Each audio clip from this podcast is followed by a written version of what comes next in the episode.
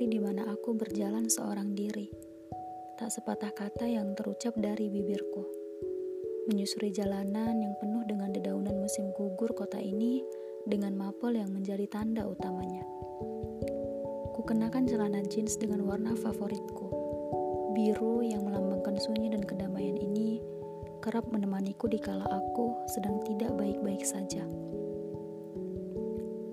Beberapa menit kemudian, aku tiba di tempatku biasa meluapkan segala kondisi yang tengah aku rasakan. Tapi entah mengapa, kali ini tempat itu terasa begitu asing. Padahal baru beberapa hari kemarin aku mengunjunginya. Dengan tatapan nanar dan mencoba untuk tetap tenang, aku duduk di bangku yang di sekelilingnya dipenuhi daun gugur. Sesekali, hembusan angin yang menerbangkan helaian rambutku juga ikut bermain. Beberapa dari daun yang hampir gugur juga berhasil diterbangkan oleh angin dingin ini. Tak tentu arah, seakan pasrah mengikuti laju dari sang yang berkuasa. Dalam sunyinya di selasar taman ini, kesendirian yang berteman denganku adalah yang terbaik. Aku kira situasi seperti ini cukup melambangkan kondisiku saat ini.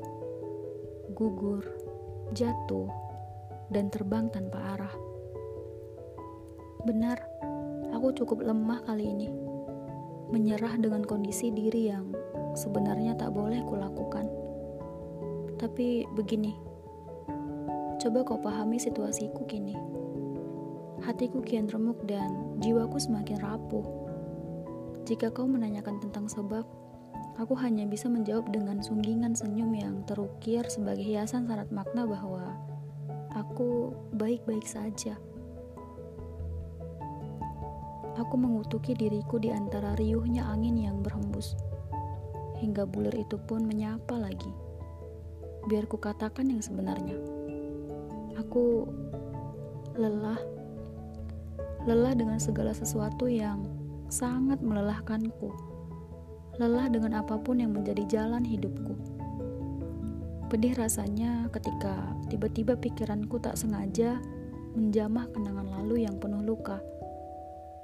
Tapi jangan sampai kau beritakan ke mereka yang lain ya.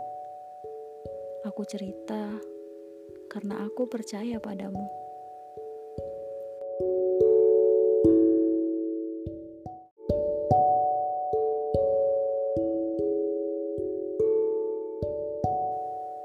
Masih cukup pagi di sini. Jam di handphoneku menunjukkan pukul 7.30 dan matahari tak muncul lagi kali ini. Aku mencoba untuk menghirup kembali udara segar yang tersaji, menghapus perlahan bulir yang tadi sempat jatuh dengan telapak tanganku yang sedikit kedinginan. Dan lagi, saat-saat seperti ini membuatku tak bisa membohongi diri dan perasaanku. Rindu itu merasuk lagi membawa kenangan dan rasa yang sekalinya datang langsung mengundang sendu dan pilu. Aku pun cukup bodoh untuk hal ini.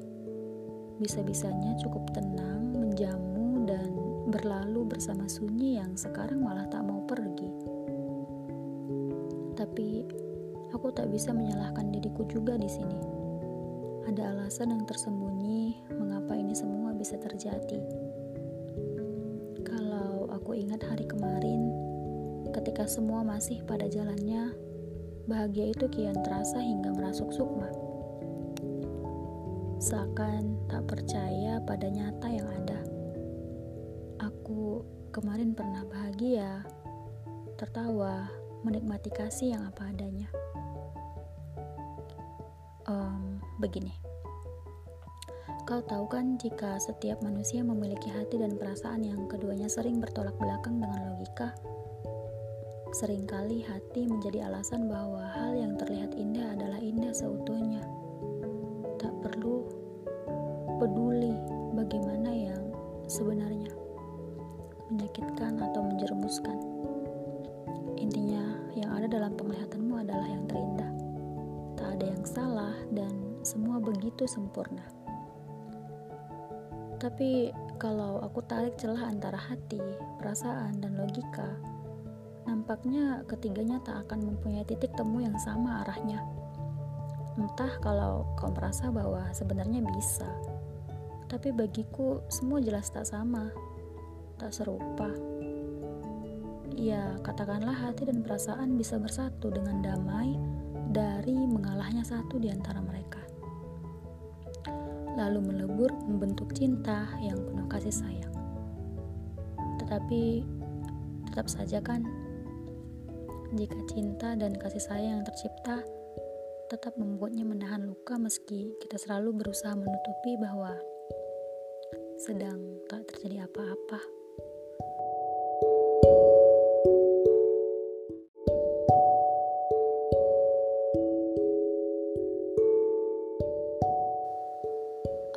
Sering menemui yang seperti ini di sekeliling kehidupanku. Masalah dia yang istimewa katanya. Hmm, maksudku adalah seseorang yang sungguh sangat kau agung-agungkan di dalam kehidupanmu ini sampai terlalu berlebihan, padahal seharusnya tak perlu demikian. Bukannya kau melupakan, tapi malah hatimu menjadi kian terisaukan. Seiring berjalannya waktu, akan bertanya-tanya ada apa gerangan? Kenapa bisa menjadi demikian? Semua karena aku yang salah, kan? Lalu lagi-lagi kau mulai ciptakan perumpamaan-perumpamaan yang tak satu pun berkaitan.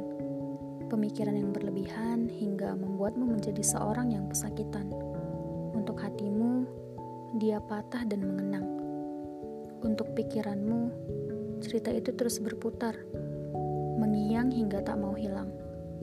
Sementara jiwamu rapuh dan semakin dalam terjatuh. Sedangkan ragamu tak lagi mau menahu Apa pun itu, kau berharap bahwa dia peka dan kembali lagi ke pelukanmu.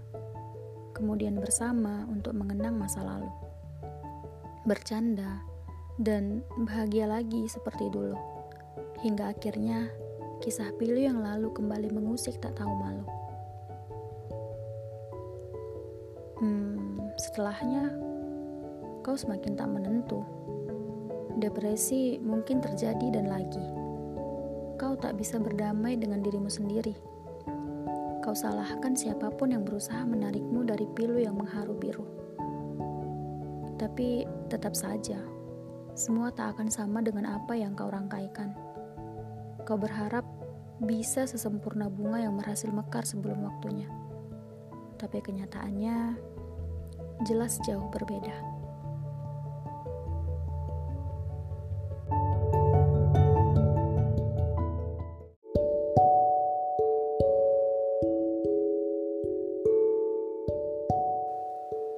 Sekarang, coba kita berbicara tentang logikamu. Ya, kau memang benar. Hal yang satu ini memang tak pernah mau mengerti bagaimana rasa itu. Seringkali malah berakhir bentrok dengan situasi yang ada. Logika ini memang tak pernah mau ya diajak kompromi. Inginnya menang sendiri dan berasa paling benar dalam setiap situasi. Terkadang aku juga tak menyukainya benci juga sudah tersemat untuknya. Ketika aku mencintai dia misalnya, bahkan dia menjadi hal yang mengganggu. Ya, kita semua tahu bahwa setiap kisah cinta memiliki ceritanya masing-masing. Ada yang berakhir bahagia, ada yang berakhir pilu, dan ada juga yang hanya sebatas rapalan rasa yang tak pernah bertemu. Kalau aku yang kedua di antaranya itu pun malah mengundang yang ketiganya. Ya, awalnya aku memang tak memiliki rasa apa pun kepadanya. Sebatas teman saja, kataku kala itu. Lalu aku dan dia menjadi acap sekali bertukar kabar hingga sapaan sederhana darinya berhasil membuatku berdebar. Lucu juga pada masa itu, di mana aku menolak untuk mengakui bahwa aku menyukainya. Rasaku yang biasa saja kini berubah menjadi yang tak biasa. Dan kali ini, logikaku bertarung dengan hati dan perasaan yang lebih dulu mencicipi. Sedikit tak menyehatkan akal untuk kesenangan yang fana, yang sederhana. Ya, aku tahu, kala itu egoku tengah menguasai. Tapi, tunggu, Aku tak menyalahkan egoku dalam hal ini. aku menyalahkan aku yang terlalu acuh dengan mereka yang sebenarnya cukup peduli.